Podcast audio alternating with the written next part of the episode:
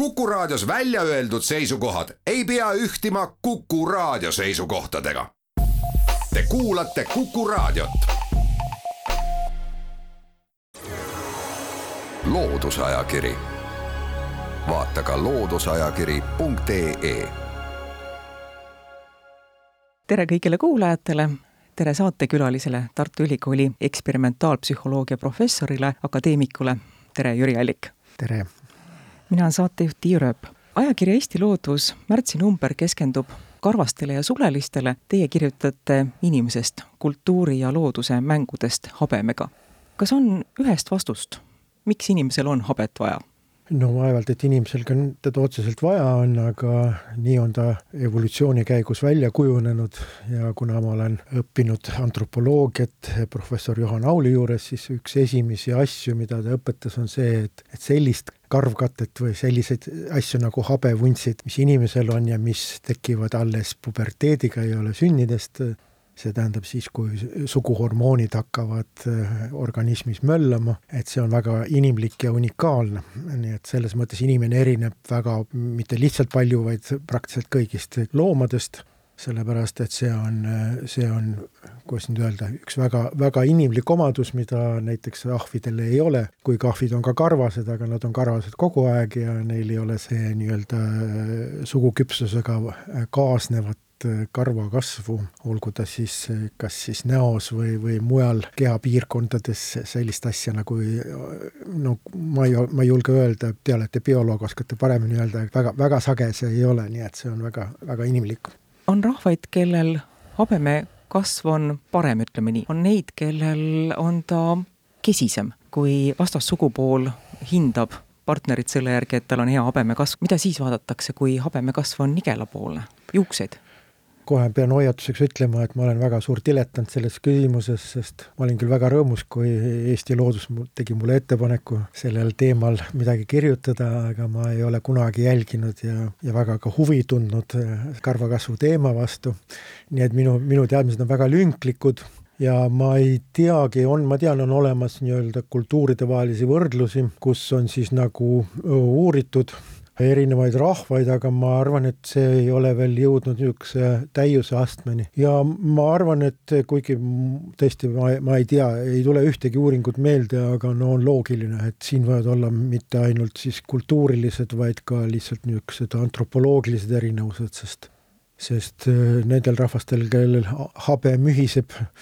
et seal on ka naistel teistsugune suhtumine sellesse, kui, kui siis ütleme, siin näiteks põhjas või kusagil mujal, nii et jõulist habeme kasvu on seostatud kõrge testosterooni tasemega organismis. kas te olete näinud uuringuid, kas seda korrelatsiooni on uuritud või on see selline oletuslik? ei, see ei ole oletuslik, see on absoluutselt äh, teada seos, sellepärast et, et äh, ütleme lihtsalt siis ütleme need anatoomilised uuringud, mis on uurinud äh, karva kasvu ja eelkõige on teada seda, et see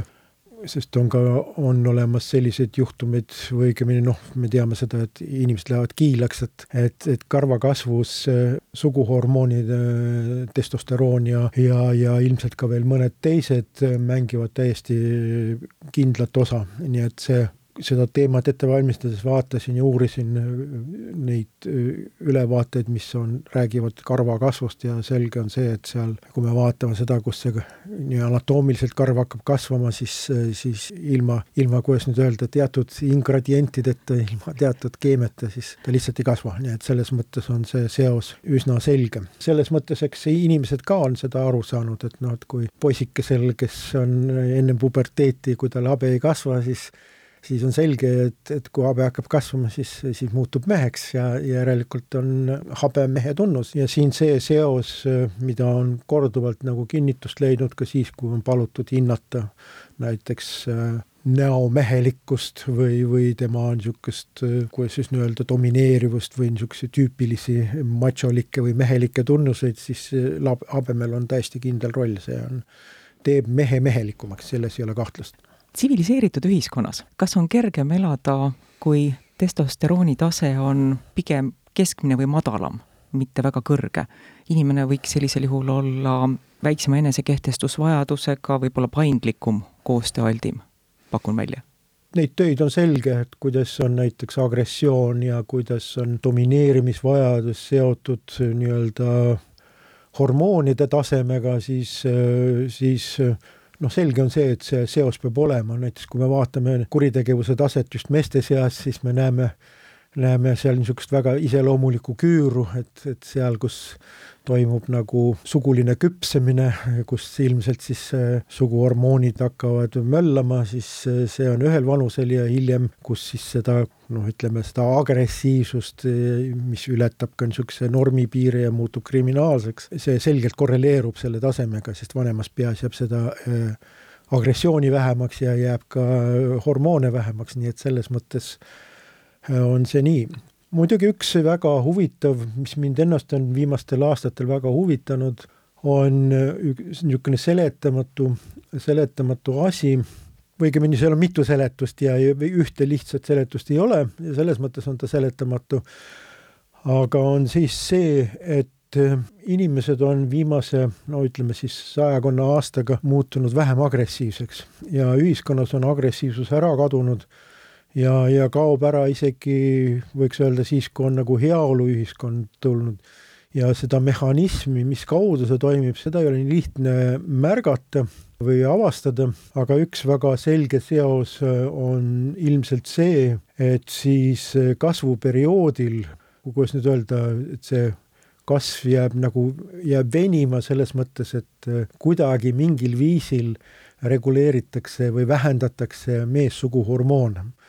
ja see on, oli väga ilus fraas, ma selles artiklis ka viitan, et kogu inimkonna aja jooksul on inimkonda mürgitatud testosterooniga. Ja nüüd on siis ühiskond on tasapisi, kuigi täpselt ei tea, mis viisil, on sellest mürgitusest hakatud nagu vähehaaval vähenema. Ja seetõttu on, see on küll raske uskuda praeguse sõja juures, et aga nii-öelda ühiskonnasiseselt, kui ei ole niisugust äh, psühhopaati, kes siis äh, sõdu al alustab, aga niisuguses normaalses demokraatlikus ühiskonnas on äh, kuritegevus, just isikuvastased kuriteod, mis on, põhinevad nagu agressioonil, kontrollimatul agressioonil, need on kõik vähemaks jäänud ja üks seletus on see, et me muutume niisuguseks feminiinsemaks või naiselikumaks ja naisulikkuse üks tunnus on see, et meil meessugu hormoone, mis panevad vere keema ja möllama, et, et neid on nagu vähemaks jäänud või, või neid pritsitakse verre kuidagi hiljem ja, ja doseeritumalt, nii et seda niisugust äh, tormi ja tungi just agressiooni mõttes kas lükatakse edasi või jääb siis nagu üldse vähemaks. Kas sellist suundumust, mida te praegu kirjeldasite, see oleks võib-olla õigem küsimus ajaloolastele, kas seda on varem inimkonna ajaloos ka esinenud või on see praegu ainulaadne? vot see on hea küsimus jah, aga pigem on, ma tean selle valdkonna klassikuid, nemad väidavad, et see on nagu äh, nagu ikkagi nagu pidev evolutsiooniline joon, et seal ei ole niisuguseid Ameerika mägesid üles-alla, vaid see on kogu aeg on nagu, nagu paremaks läinud, et see ütleme, kui me võtame niisuguse tavalise linnakodaniku ja tõenäosus, et keegi tuleb ja ta maha lööb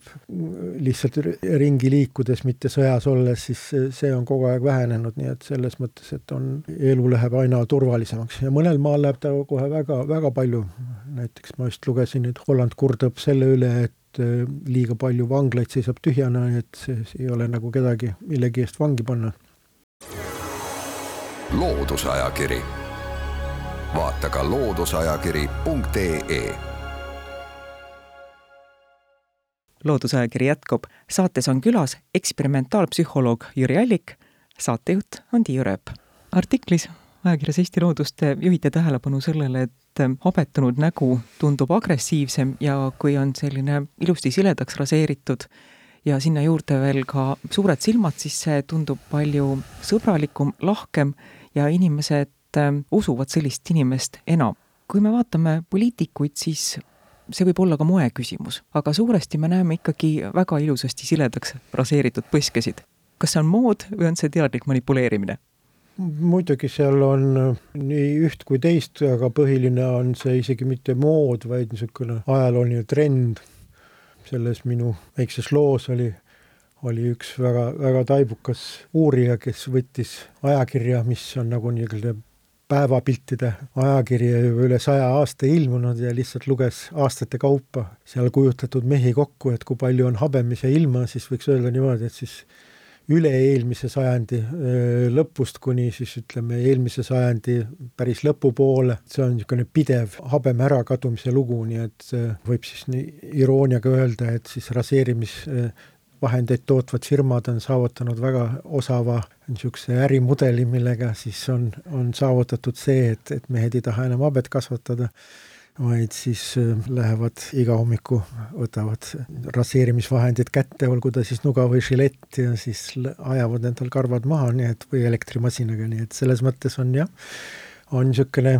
või mõni võib arvata, et see on nagu terve vandenõu, aga üldine, üldine tendents on olemas. no selge, et ei ole ühte põhjust, aga üks põhjus, mida ma just äh, tõingi, see, et, et, et kui varasemalt oli, oli niisugune sõjakus, äh, domineerimine, agressiivsus oli niisugune nagu hea ja soovitud tunnus, siis ilmselt me oleme jõudnud no mitte kõik muidugi, aga, aga mõned ühiskonnad on siis, või õigemini tsiviliseeritud maailm on jõudnud selleni, et niisugune heatahtlikkus, empaatia, sõbralikkus on paremad vahendid. mulle väga meeldib, ma olen tema suur austaja, on Franz de Waal, kes on üks su-, kuulsamaid primaatide uurijaid ja peab blogisid ja, ja, ja kirjutab väga suurepäraseid raamatuid siis eh, tema tegelikult tõi nagu loomapsühholoogiasse väga suure muutuse, sellepärast et kui niisugune no ütleme, karm bioloogiline vaade oli, oli see, et olelusvõitlus kestab kogu aeg edasi ja kes on nagu tugevam ja karmim äh, alfaisane, et see saab siis kõik pruudid endale ja kõik muud varadused, sööb rohkem ja kõike muud, eks ole siis Franz de Waal, kes alustas äh, Arnhemi äh, loomaaias, kus on väga suur primaatide keskus, hiljem ta kolis Ameerikasse, siis tema uurimus oli väga tore, oli üks tal on palju raamatuid, aga üks raamat, mis oli erilise tähtsusega, oli šimpansee poliitika, kus ta näitas seda, et äh, ellu jääb mitte see, kes on nagu kõige tugevam ja, ja, ja suudab enda eest füüsiliselt seista, vaid ellu jääb kõige parem poliitik